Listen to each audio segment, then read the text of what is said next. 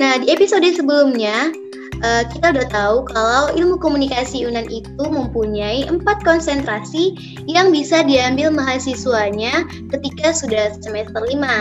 Nah, keempat konsentrasi itu adalah public relation, manajemen komunikasi, jurnalistik, dan juga media TV film. Nah, di episode ketiga kita udah ngebahas tentang public relation dan juga manajemen komunikasi. Nah, pada episode kali ini kita akan bahas mengenai jurnalistik dan media TV film. Tentunya aku sekarang udah bareng narasumber kita yang kece-kece banget dan tentunya mahasiswa dari jurusan ilmu komunikasi. Nah, aku Duvira udah bareng Kamifta dari TV film angkatan 2016 dan juga ada Bang Rizky dari jurnalistik angkatan 2016. Nah, sebelumnya kita kenalan dulu kali ya bareng narasumber kita hari ini. Halo Kak Miftah, halo Bang Rizky. Uh, boleh kenalan dulu dong Kak, Bang. Uh, Oke, okay, halo semua pendengar podcast berkisah yang ada di rumah. Kenalin nama aku Miftah Lusina Sution, biasa dipanggil Miftah. Aku jurusan ilmu komunikasi, konsentrasi media televisi dan film angkatan 2016. Oh, hai, halo para pendengar podcast berkisah, teman-teman yang di mana pun berada di rumah di mana pun. Salam kenal, nama saya Rizky Putra Hendra dari Jurnalistik 2016. Oke, terima kasih Kak Mifta sama Bang Rizky. Oke, jadi sebelumnya kan, uh, sebelum di episode kali ini, kita udah ngebahas nih Kak, Bang, tentang uh, public relation dan juga manajemen komunikasi. Nah, hmm. makanya sekarang ini kita bakalan bahas kan tentang jurnalistik sama TV film. Nah, apa aja sih uh, tahap yang dilaluin untuk masuk ke konsentrasi dari jurnalistik sama ini? Apa aja syaratnya? Boleh kami atau Bang Rizky dulu yang mau jawab? Ya sama sih kan sebelum dari tahap sebelum semester lima kita ada beberapa sebelum semester semester lima semester empat tuh sebulan sebelum kita bakal milih konsentrasi itu kita bakal disuruh ada nama sosialisasi konsentrasi jadi itu dijelasin oleh koordinator masing-masing jurusan ya kemarin kan ada kemarin koordinator kami itu ada Pak Renaldi Melhana ada juga dari kemarin dari siapa lagi uh, Bu Ernita dan beberapa dosen lain. Jadi yang mereka tuh nerangin karya-karya uh, konsentrasi karya-karya tentang konsentrasi masing-masing. Apa sih itu TV film apa sih itu jurnalistik dan juga karya-karya mereka juga dijelasin. Sebenarnya konsentrasi kan baru pertama kali ada pas angkatan 2015 kan kurikulum barunya gitu. Jadi kami ini angkatan kedua. Ya dan juga sudah habis tahap sosialisasi kita juga udah sebulan kita bakal ngisi belangko kan beberapa belangko itu juga habis itu baru tak wawancara di syarat di belangko itu kita juga ada nilai syarat. Kalau di di jurnalistik sendiri tuh ada pengantar jurnalistik sama sejarah pers. Dan juga di wawancara itu juga ditanya kesiapan kita gimana sih untuk masuk konsentrasi juga? Apa sih pengalaman kita dalam berhubungan dengan jurnalistik asli dan juga untuk syarat dari mata kuliah itu minimal B. Kalau di TV film sendiri gimana kak? Kalau untuk TV film sama uh, untuk syaratnya emang beberapa mata kuliah khusus yang emang di emang untuk apa sih untuk uh, syarat masuk ke TV film tuh ada. Jadi teman-teman nggak boleh dapat nilai C minimal emang B gitu atau B min. Kalau misalnya emang masih mau bakalan uh, apa masih mau nih masuk konsentrasi TV film, uh, kemungkinan teman-teman bakal lulus bersyarat uh, kalau syaratnya itu memang harus ngulang gitu. Dan itu pun tergantung sama dosen konsentrasinya. Emang mau ngizinin nggak si mahasiswa ini untuk uh, masuk ke konsentrasi tersebut atau enggak uh, bakal pindah ke konsentrasi yang dia pilih nomor dua atau konsentrasi cadangannya kayak gitu. Ini informasi dari jurusan sih. Sebenarnya jurusan itu lagi siap-siap. Buat angkatan 2001 konsentrasi bakal dimulai dari semester 3 jadi persiapannya tuh bakal lebih lagi untuk ya persiapan untuk bina kerja lagi. Jadi istilahnya kita tuh udah dari awal tuh udah difokuskan kita mau konsentrasi apa sih? Kalau sekarang kan dari semester 5 doang. Kalau untuk batang 21 kemungkinan itu dari semester 3 gitu sih rencananya. Tapi masih belum masih ancang-ancang belum ada di difiksasi lah istilahnya gitu. Masih dalam tahap persiapan. Dan itu aja sih informasi dari aku. Terima kasih bang Rizky kami uh, ini kita lanjut nih ya kak bang. Soalnya banyak banget nih yang kan karena mungkin ya di angkatan tahun sekarang kan yang mau konsentrasi itu angkatan 2019 nih kan kak hmm, hmm. kata bang tadi uh, biasanya kan itu ada sosialisasi itu kan bang dari yeah. uh, dari masing-masing uh, konsentrasi nah karena yeah. kayaknya emang belum ada nih di 2019 emang belum ada hmm. sosialisasi seperti itu jadi memunculkan uh, banyak banget nih pertanyaan dari teman-teman yang mau ngambil konsentrasi gitu hmm. jadi uh, uh, sekarang kita masuk uh, ke segmen pertanyaan ke media TV film aja dulu kali ya kak bang oh, boleh ya, boleh silakan Oke, berarti uh, untuk kami ya kak banyak banget nih yang nanya atau banyak yang yang ngira kalau media TV film itu pasti awalnya susah gitu kan kak. banyak yang ngira kayak gitu gitu. Nah, uh, menurut kakak kalau kakak sendiri nih, uh, kenapa sih kakak dulunya ngambil konsentrasi ini gitu, konsentrasi TV film ini? kenapa ngambil konsentrasi ini? Karena awalnya kan sebelum masuk ke masuk masuk kuliah maksudnya uh, kakak pribadi memang minatnya di televisi dan film. Jadi waktu tes 6 PTN SBMPTN milihnya jurusan memang TV film itu tuh di luar gitu kan. Nah ternyata nggak lolos. Akhirnya milih di Mandiri Unan karena lagi buka juga kan Mandiri Unan waktu itu nah di Mandiri Unan kakak ngambilnya ilmu komunikasi. Karena kata-kata senior uh, mereka bilang kalau di ilmu komunikasi nanti belajarnya juga ada perfilman kok gitu. Emang ada dasar-dasar film lah pokoknya. Karena konsentrasi ini kan baru munculnya di di angkatan 2015 ya. Akhirnya masuk masuk kuliah nih di jurusan ilmu komunikasi dan di semester berapa nggak salah kita baru tahu ada konsentrasi gitu kan di konsentrasi di semester 5 dan kebetulan memang minat awalnya emang di TV film yaudah uh, pas juga kan konsentrasi ada juga TV film jadi diambil lah konsentrasi TV film karena emang minat dari awal itu Oh, berarti emang kayak udah passion kakak juga kali ya di sana, hmm. makanya kakak juga ambil itu. Iya benar. Nah, terus nih ya kak di TV film itu kita uh, pelajarin apa aja sih kak? Apa aja mata kuliahnya gitu? Biar bisa hmm. jadi gambaran juga gitu kak. Untuk mata kuliahnya, uh, kalau sekarang kan namanya media televisi dan film ya. Kalau tahun kakak tuh televisi dan film aja. Jadi sekarang udah ditambah dengan media karena di perkuliahan pun kita tuh nggak cuma belajar tentang TV film aja medianya juga masuk kalau untuk uh, televisi sama film kakak kan udah baru nengok-nengok juga nih uh, mata kuliah mata kuliah sebelumnya jadi terkelompokkan lah sama kakak kalau untuk televisi itu mata kuliahnya ada teknik presenter broadcast, ada penulisan naskah TV. Kalau untuk perfilman nanti ada penyutradaraan, skenario film, sinematografi, film production, tata suara, Terus nanti di media nanti ada mata kuliah hukum media sama ekopolmed. Ada juga nanti periklanan uh, copywriting kalau nggak salah nama mata kuliahnya. Jadi hampir beragam ya mata kuliah di televisi dan film. Tentunya emang uh, pembahasannya emang di, di bidang itu aja, di bidang pertelevisian sama perfilman. Dan uh, dan mata kuliah ini memang mata kuliah dasar-dasar sih semuanya gitu. Berarti uh, dari sekian banyak mata kuliah tuh yang kakak sebutin tadi tuh kan, menurut kakak sendiri itu yang kakak kakak pribadi ngerasa itu paling sulit itu apa sih kak gitu mata kuliah apa sih gitu yang kayaknya emang bikin bikin kita dak dikduk juga gitu. Bikin kita ngeri ngeri sedap gitu kak hmm, iya kalau untuk mata kuliahnya karena mata kuliahnya semuanya itu baru bagi kakak ya apalagi mendengar kata-katanya tuh kayak film production ada ya gitu. Sinematografi ada yang mata kuliahnya kayak hal-hal baru semua. Jadi lumayan sulit sih gitu karena uh, kalau di TV film ya sama-sama jurnalistik tuh sama tuh kayak teorinya 50%, prakteknya 50%. Jadi beratnya tuh nggak cuma di teori tapi prakteknya gitu. Dan untungnya kami TV film prakteknya itu kebanyakan uh, berkelompok jadi kalau misalnya ada tugas nih tugas akhir mayoritas kami tuh bikin film kok gak produksi apa gitu atau menghasilkan karya apa gitu dan mayoritas kami itu memberkelompok. Jadi enaknya tuh karena berkelompok. Kalau untuk mata kuliah tersulit ya kakak pribadi itu agak susah sama animasi production karena animasi production itu kita bikin animasi yang awalnya desainnya aja gambarnya aja. Jadi uh, di akhir nanti jadi tugas akhirnya nanti gambar tuh harus bergerak gitu.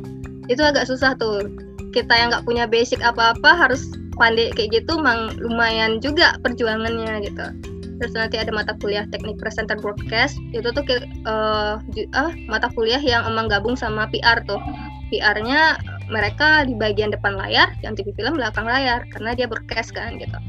Yang agak susahnya di sini karena uh, kita tuh membuat program televisi talk show kalau nggak salah dan kami anti film kerjanya kan bagian produksi ketika syuting tuh dan juga di pasca produksi editing. Nah, editing di sini lumayan susah karena editingnya pakai green screen gitu. Ada juga animasi-animasinya. Jadi semua pelajarannya tuh hal-hal yang baru juga bagi kami. Dikatakan susah, susah-susah gampang sih sebenarnya. Oke, mungkin karena seperti itu ya membuat uh, film itu terbrand susah gitu ya kak? Iya. Tapi kalau sebenarnya dijalanin juga nggak susah-susah banget kayaknya ya kak? Hmm, nggak hmm, terlalu sih sebenarnya. Nah tadi kan kakak ada bilang tuh uh, kalau 50% teori terus 50% praktek. Nah selama kakak ngambil konsentrasi nih uh, lebih itu tuh ngapain aja sih kak? Tugasnya kita ngapain aja? Lebih banyak ke prakteknya kalau untuk tugas atau ke teorinya gitu kak kalau di TV film waktu tahun kakak tuh uh, misalnya nih uh, sebelum UTS kita teori dulu. Habis UTS kita praktek. Jadi misal kayak mata kuliah film production. Sebelum UTS kami tuh bikin naskah dulu bikin skrip atau skenario film. Ntar pas UTS uh, eh, skripnya tersebut bakal di uh, apa sih kayak tugas ujiannya gitu nanti dipilih lah sama dosen kan dosen pengampu mata kuliah ini yang mana sih skripnya yang bakal kita jadiin film. Nah menjelang uas tugas akhirnya tuh bikin film dari skrip yang udah ditentuin sama si uh, sama si dosen tadi gitu. Jadi uh, dibilang banyak praktek nggak juga dia ada teori ada prakteknya juga. Bah beberapa mata kuliah seperti itu sih semuanya ada teori dan prakteknya. Iya ya uh, mungkin kakak bisa kasih contoh kali ya misalnya proyek apa aja yang pernah kakak kerjain selama di TV film gitu kak. Contohnya hmm. apa gitu? Kalau untuk proyek uh, waktu tahun kami itu memang kebanyakan film ya. Filmnya film fiksi film dokumenter bahkan tugas akhir tuh akhirnya kami bisa nyelesain 3 sampai 5 film per orang gitu untuk tugas akhir. Lumayan banyak juga sih sebenarnya apalagi kalau untuk TV, TV film ya mahasiswanya cuma 10 orang waktu angkatan kakak tuh cukup cukup berat untuk membuat sebuah film gitu. Uh, paling film yang paling panjang kami bikin tuh yang durasinya lumayan panjang tuh film ketika mata kuliah film production itu tuh uh, kebetulan uh, naskahnya tuh naskah dari kakak pribadi. Jadi di di direct kakak direct jadi sebuah film berdurasi 15 menit. Dan itu film yang uh, emang lumayan susah untuk diproduksi. Apalagi waktu itu bulan puasa juga. Lumayan berat ya tantangannya ketika produksi di bulan puasa. Capeknya iya nahan emosinya. Apalagi di lapangan tuh panas-panas. Belum lagi nanti talentnya yang berulah lah atau krunya yang berulah lah atau alat-alat yang kurang lah gitu kan tapi ketika udah selesai produksi nih uh, pas kami mau mutarin filmnya pemutaran film ini waktu art showcase nih. Jadi kami mutarin film di gedung seminar I dan ternyata uh, yang datang nonton tuh lebih dari ekspektasi kami 200 orang lebih lah gitu kan dan diapresiasi oleh mereka. Itu sebuah uh, apa ya kayak nggak terasa lo beban ketika produksi filmnya gitu nggak terasa beratnya tuh karena akhirnya diapresiasi oleh banyak orang. Kayak gitu sih. Kerjaan anak TV film ya selama kuliah bikin-bikin film proyek-proyek kayak gitu. Kadang yang animasi juga kayak gitu juga bikin animasi. Atau naskah televisi juga dia pernah kami buat juga gitu. Iya sih kayak ternyata TV film itu nggak semenyeramkan itu juga. Banyak sesuatu baru yang bakalan menarik nantinya dan bakalan menantang kita ya kan kak? Iya nah uh, kalau untuk magangnya sendiri itu kak kalau film ini gimana tuh sih kak magangnya di semester 7 kayak misalnya peluang magangnya itu di mana gitu terus prospek magangnya gimana? Nah terus uh, ketika magang itu nanti kita yang konsentrasi TV film itu apa aja ngapain aja gitu kak? Untuk magang ya? Kalau kak dulu magangnya di Padang sih di production house Uh, sebenarnya kata dosen PA ya Pak Rinaldi waktu itu dia udah bilang juga bagusnya magang tuh di luar kata dia kan. Uh, karena bisa nambah pengalaman juga. Sayang loh kamu jurusannya eh kamu konsentrasinya TV film. Kayak TV film sama jurnalistik itu emang bagusnya di media atau di luar lah gitu kan yang lebih banyak dapat pengalaman lebih banyak bertemu dengan orang gitu tapi karena ada kendala masalah ekonomi lah masalah kondisi waktu itu karena kondisi yang kayak gitu juga jadi mutusin kayak ya udah di Padang aja. Dan di Padang ngambilnya di production house gitu. Kalau untuk anak televisi film sendiri media televisi film tuh banyak sih tempat magang yang bisa kalian apply gitu. Mulai dari kalau teman-teman kakak dulu ngambilnya di production house iklan di periklanan tuh di Jakarta juga ada post production house itu tuh bagian editing itu Jakarta juga tuh mereka ngambilnya. Terus ada di agensi juga agensi kreatif agensi dan ada di televisi. Yang paling banyak sih televisi sih yang ngambil gitu. Karena untuk production house tuh kadang nerima kadang enggak gitu mahasiswa anak-anak magangnya gitu jadi uh, untuk peluang magang besar sih sebenarnya untuk uh, konsentrasi TV film ataupun jurnalistik karena banyak dibutuhkan juga gitu. Oh, berarti nanti pas magang itu kita bantu-bantu gitu ya kak, misalnya kita produksi film atau produksi iklan kayak gitu ya kak?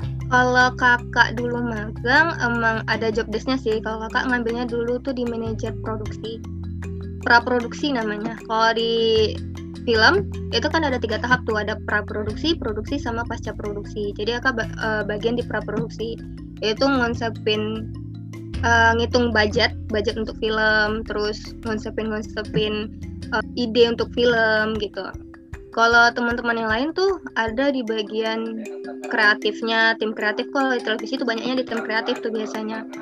Atau enggak di post production tuh di bagian editor mereka tuh biasanya gitu jadi emang ada job desk job desk juga ditentuin sama pihak-pihak uh, perusahaannya gitu. Oke. Berarti lumayan emang prospeknya itu buat uh, dunia kerja ke depannya berarti ya kan kak? Iya benar. Terus nih kan kak uh, mau nanya lagi nih kak. Kalau kita kan ini di ilmu komunikasi kan dibagi per konsen juga. Nah dari konsentrasi TV film sendiri maksudnya itu maksudnya uh, knowledge seperti apa atau skill seperti apa sih kak yang nantinya pengen dicapai gitu? Kan biasanya tuh dosen-dosen ada tuh kan kak bilang kalian uh, kalau ngambil ini nanti harus gini ya gitu. Hmm. kalau untuk itu sebenarnya sesuai sama konsentrasi kita sendiri sih gitu. Ma, kalau di konsentrasi kan kebanyakan tuh memproduksi ya produksi film atau uh, di bagian televisi itu tuh kami emang dituntut untuk bisa uh, apa? Nggak dituntut juga sih. Paling nggak punya skill uh, di bagian-bagian itu juga. Kayak menulis naskah atau skrip gitu kan. Atau directing sebagai sutradara. Atau nanti bisa jadi membuat konsep gitu. Skill-skillnya seperti itu. Ya pokoknya berhubungan sama itu. Perfilman sama pertelevisian berarti kita emang dipersiapkan untuk uh, terjun ke dunia kerja juga ya kak? Berarti? Iya benar. Itu makanya kalau teman-teman milih konsentrasi jangan sembarangan gitu. Jangan ikut-ikutan teman-teman yang lain juga. Takutnya nanti pas magang kesusahan kan karena magang tuh memang sesuai sama konsentrasi gitu apa yang kita pelajari di konsentrasi selama berapa semester gitu dua semester ya kalau nggak salah kita belajar di konsentrasi kita ntar kita terapin tuh di tempat magang. Nah berarti kan itu uh, kayak yang udah kakak jelasin tadi kan kak kita emang harus dipersiapkan kali kan buat dunia kerja. Makanya kita nggak boleh sembarangan milih konsentrasi.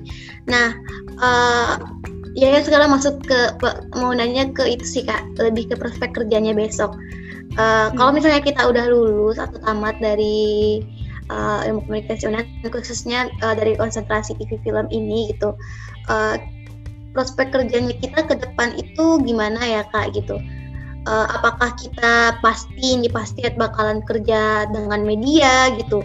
Atau uh, kita bisa uh, ke yang lain melenceng yang lain gitu? Kalau untuk prospek kerja karena kakak belum kerja ya jadi belum tahu juga nih prospek kerja uh, apa prospek kerja kakak tuh gimana prospek kerja televisi film ini gimana. Tapi setelah yang kakak lihat dari konsentrasi TV film memang orang-orangnya turun terjunnya ke sana lagi ke tempat magang mereka masing-masing.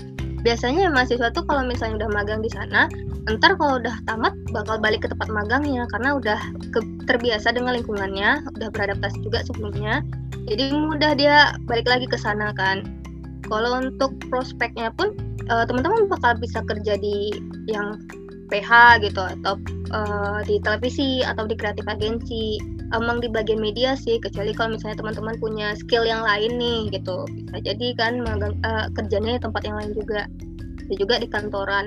Tapi emang lebih ke bidang yang emang sesuai sama itu sama konsentrasi kita sebenarnya. Berarti kita emang sesuai dengan konsentrasi ya kak? Pada umumnya kerja sesuai dengan konsentrasinya.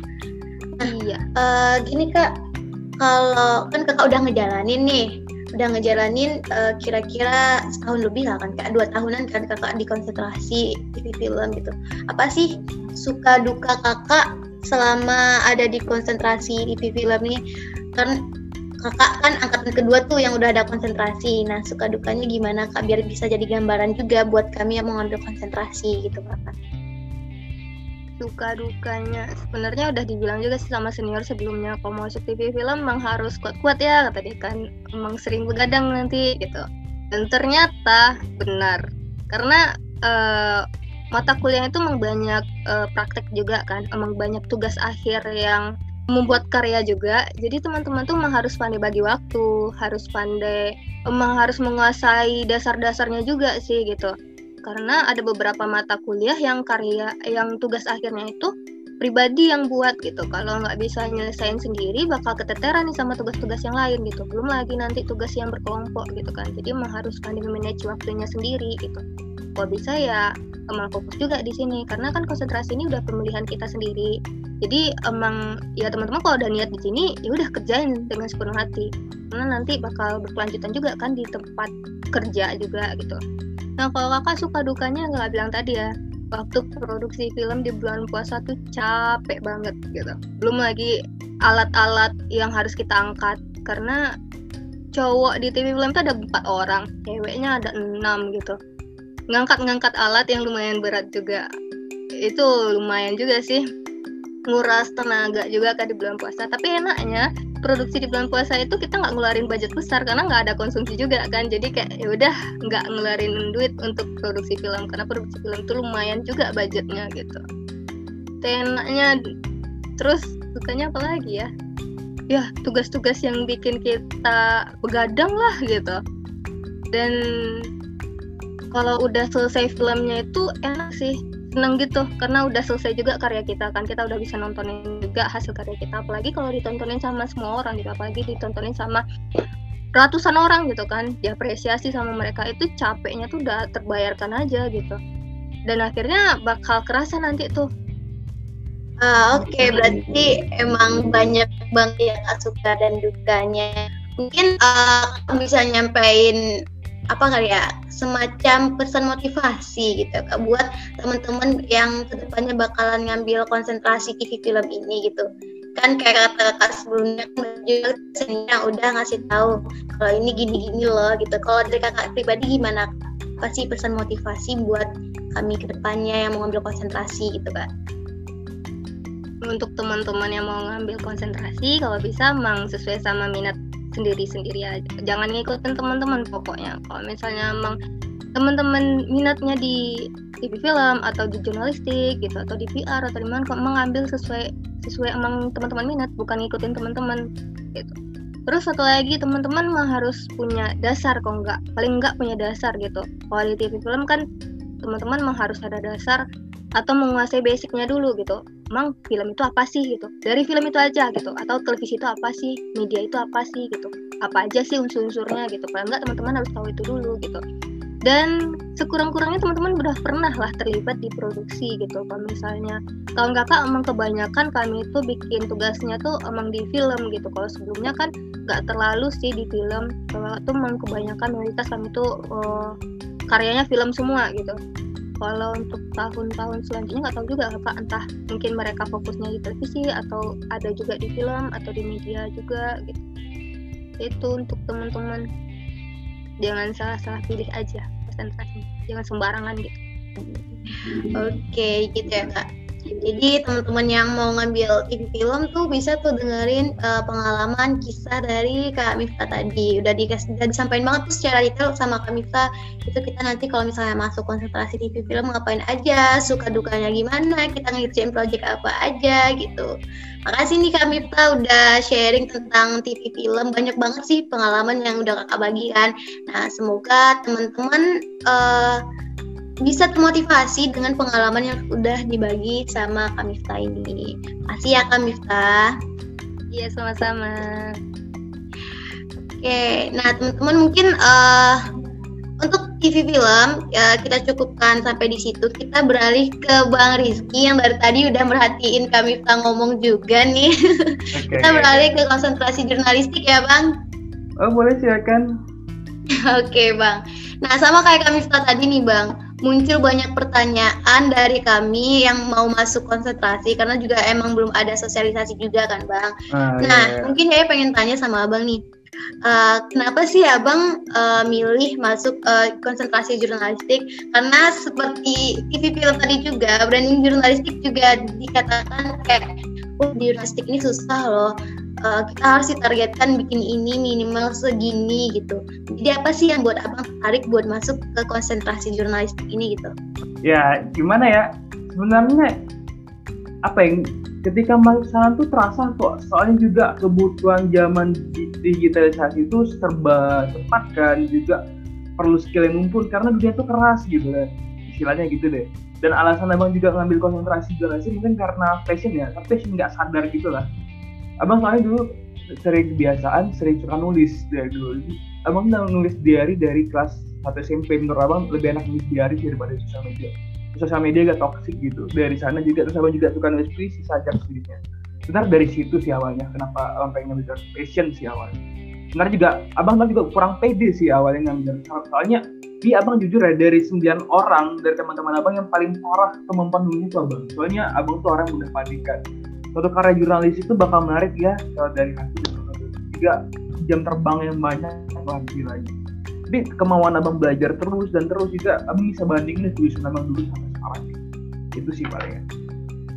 Intinya passion juga sadar misalnya kita teman-teman nggak pede nih mau ngambil uh, konsentrasi itu tapi kira-kira apa sih batu loncatan dari empat konsentrasi ini bakal nyampe ke cita-cita teman-teman gitu? Misalnya kalau pengen teman-teman pengen jadi di mankom misalnya eh pengen jadi konsultan bisa ngambil mankom juga jurnalistik bisa juga ngambil itu terus kalau nah pas abang masuk jurnalistik nih ya yang nah. kayak omong-omongan orang gitu kan banyak kan yang mata kuliahnya hmm. susah lah yang tugasnya susah nah uh, ya pengen tahu dong bang di jurnalistik hmm. itu kita bakalan pelajari matkul apa aja ya bang contohnya kayak gimana gitu oh oke okay. sebenarnya apa ya dibilang susah enggak tapi seru loh kalau dijalani misalnya ya namanya kalau kita nggak coba gimana kan tapi istilahnya yang susah itu kan yang menambah skill kita tadi gitu. Beberapa mata kuliah yang di pokoknya berhubungan dengan dalam ruang lingkup jurnalistik jurnalistik lah contoh kayak penulisan berita terus hukum media terus juga ada penulisan artikel jurnalistik investigasi fotografi jurnalistik media art radio production yang tiernya di semester lima nih jurnalistik investigasi. Jadi kita tuh ngeliput investigasi lah. Kemarin abang ngeliput tentang narkoba sama juga tentang HIV AIDS di kota Padang. Itu juga kalau di semester 6 tuh ada media audience belajar tentang halayak media terus juga print media produksi tentang media cetak. Kritika media literasi bagaimana kita cara berpikir kritis juga manajemen media massa. Graphic and creative design bagaimana cara mendesain ya terus juga tentang desain web web juga terus juga jurnalistik sastrawi jadi yang ini tiernya kalau di semester 4 5 sama 4 tuh ada jurnalistik uh, investigasi. Kalau di semester 6 tuh ada jurnalistik sastrawi itu sih beberapa mata kuliahnya.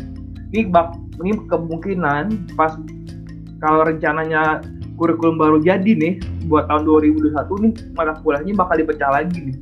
Soalnya kan kita mulai dari semester 3 soalnya tidak dari semester 5 lagi. Itu sih palingnya Nah dari hmm. matkul-matkul yang banyak tadi abang bilang itu kebanyakan kalau di jurnalistik itu teorinya atau prakteknya sih bang? Kalau untuk teori sama praktek 50-50 ya, tapi agak menguras tenaga mungkin prakteknya ya.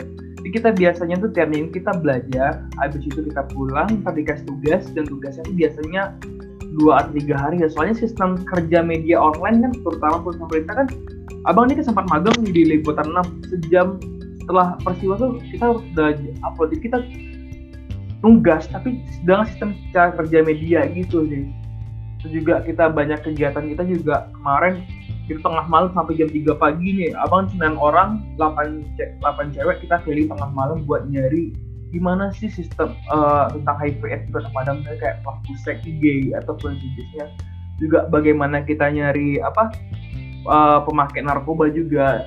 Juga ketika abang libur tentang jurnalistik sastrawi abang itu dari jam 2 pagi standby ngikutin truk sampah keliling kota Padang abang ikut ngambilin tuh. Habis abang ngambilin dibuang abang ikut pemulung lagi. Ikut pemulung kan? Misalnya gimana sampah plastik sampah ini. Jadi apa ya yang paling seru sebenarnya experience sih dari beberapa tugas yang abang alami. Juga ngikut ngeliput apa bola di semen Padang di Gora Salim. Padahal abang nggak suka bola loh. Jadi mau nggak mau abang ngerti ikut hebohnya gimana juga rusuhnya gimana. Istilah kayak experience yang nggak ada apanya ya nggak ada tandingannya kalau abang ngerasa gitu. Menarik ya bang experience-nya hmm. sampai subuh subuh jam 2 ngikutin pemulung. Ah, nggak bakalan ditemuin di tempat lain ya bang kayaknya Iya sih pokoknya apa ya emang terlihat susah gitu tapi ya, seru kalau menurut abang kalau jiwa adrenalinnya tinggi ya gitu uh, tadi dari jawaban abang tadi ya ya dengar abang magangnya di liputan 6 ya bang. Nah yeah. boleh dong bang abang sharing tentang magang kalau konsentrasi jurnalistik itu gimana gitu. Kok bisa abang magang di liputan 6 gitu gimana sih bang? Boleh dong bang berbagi. Jadi gini, uh, dari kayak, kayak betul kata Kak Mita kan, soalnya dari kata Kak Nali bagus magang dua soalnya pusat media itu kan ada di Jakarta. Dan abang Mara tuh coba email sekitar 20 media nasional. Jadi kayak CNN, Tirto, Kompas, Liputan 6 semuanya. Abang coba email nih. Taunya yang lulus ini di Liputan 6 dan alasan kenapa Liputan 6 nerima abang tuh karena portofolio tulisan yang abang tulis selama tugas abang kuliah gitu. Jadi itu fungsinya ketika kita belajar konsentrasi di pas bikin tugas tuh sungguh-sungguh. Ntar bisa jadi portofolio loh. Itu kata kata koordinator kata koordinator liputan abang. Dan bagaimana sistem kerjanya kalau di lapangan sendiri itu biasanya abang dari pagi abang dapat info dari korlip jadi koordinator liputan ini bertugas meletakkan para wartawan di mana dia bangun liput jadi abang pagi ngikutin dia ngikutin perintah dia misalnya abang bakal ngeliput tentang bebasnya kasus Ahmad Dhani kemarin. Jadi abang ikut nih ngikutin Ahmad Dhani ke mana kan abang wawancara dia gimana sih pra, uh, selama di penjara ngapain aja gimana pas udah bebas gitu. Dan juga kita kerja di kantor. Di kantor kita biasanya abang nulis lapor beri, uh, nulis tentang laporan berita cuaca juga tentang laporan dari siaran pers juga dan dan abang juga namanya multiple multiple ini kumpulan berita yang di yang dia diupload sama wartawan di lapangan tuh kita kumpulin lagi di satu berita gitu berita mendalam. Dan kemarin abang nulis untuk liputan 6 sendiri udah sampai 184 artikel selama tiga bulan. Pengen itu aja. Dan juga pengalamannya seru tuh abang ngeliat banjir di banjir Jakarta kan 2020 kan gede banget juga. Demo dua dua tuh rame banget. Juga Imlek Natal. Seru deh kalau di ini. Pengen ngulang lagi sih tapi gimana kan? Karena mikirin lulus. Pengalaman bang Rizky kayaknya menarik banget nih ya bang. Sampai hmm. wih gak bisa berkata-kata ya ya bang. Karena kayak dari dari yang abang jelasin tadi dari yang pas hmm. kuliahnya abang ngejar-ngejar berita buat uh, ngumpulin yang pemulung itu tadi terus hmm. sampai di, mag, di tempat magang abang pun uh, menyorot kasus Ahmad Dhani di penjara kayak hmm. keren banget gitu bang nah uh, dengan abang magang kayak gitu nih bang ya mau tanya lagi uh, untuk kan abang udah ada pengalaman tuh kayak gitu nah untuk prospek kerjanya sendiri ke depannya itu uh, hmm. itu gimana sih bang? Atau dari pengalaman magang tadi bisa nggak sih ngebantu kita nantinya ke depan uh, kerja gimana? Atau kita bisa nggak sih kayak abang nih udah udah magang kan di liputan 6 bisa nggak yeah. sih abang uh, auto gitu jadi karyawan di liputan 6 juga gitu atau gimana bang uh, prospek kerjanya bang? Sebenarnya kalau untuk prospek jurnalistik itu nggak selalu always media ya. Soalnya kenapa? Soalnya sekarang udah zaman digitalisasi. Nah ada istilahnya namanya content writer ya. Beberapa instansi itu perlu gitu. Jadi berhubungan dengan tulis menulis itu sangat penting. Jadi itu hal yang harus dikuasai oleh seorang jurnalis dan jurnalistik itu pertama itu menulis kemampuan menulis analisis tinggi terus juga ada apa namanya eh, menulis kreatif juga kerja sama tim. Soalnya kita nggak kerja sendiri kan itu sih jadi banyak. Jadi kita bisa kalau prospek kerjanya bisa di humas tuh humas temper kan nulis kegiatan tulis berita. Ataupun di creative writing di creative writing atau di TV film bisa tuh kita bagian nulis naskahnya atau di program TV juga bisa ya. Pokoknya berhubungan tulis nulis jadi nggak harus di media. Dan sekarang tuh penting loh kemamp jadi istilahnya di zaman kita sekarang tuh kemampuan edit videografi fotografi konten konten writing itu sangat penting di zaman sekarang.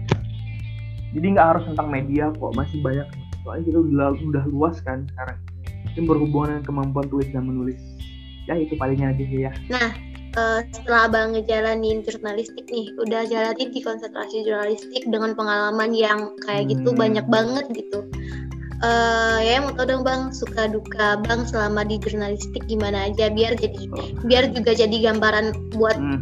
uh, terutama ya ya nih yang mau masuk hmm. konsentrasi gitu kan bang jadi okay, tahu okay. Pasti juga bisa ngambil konsentrasi ini gitu.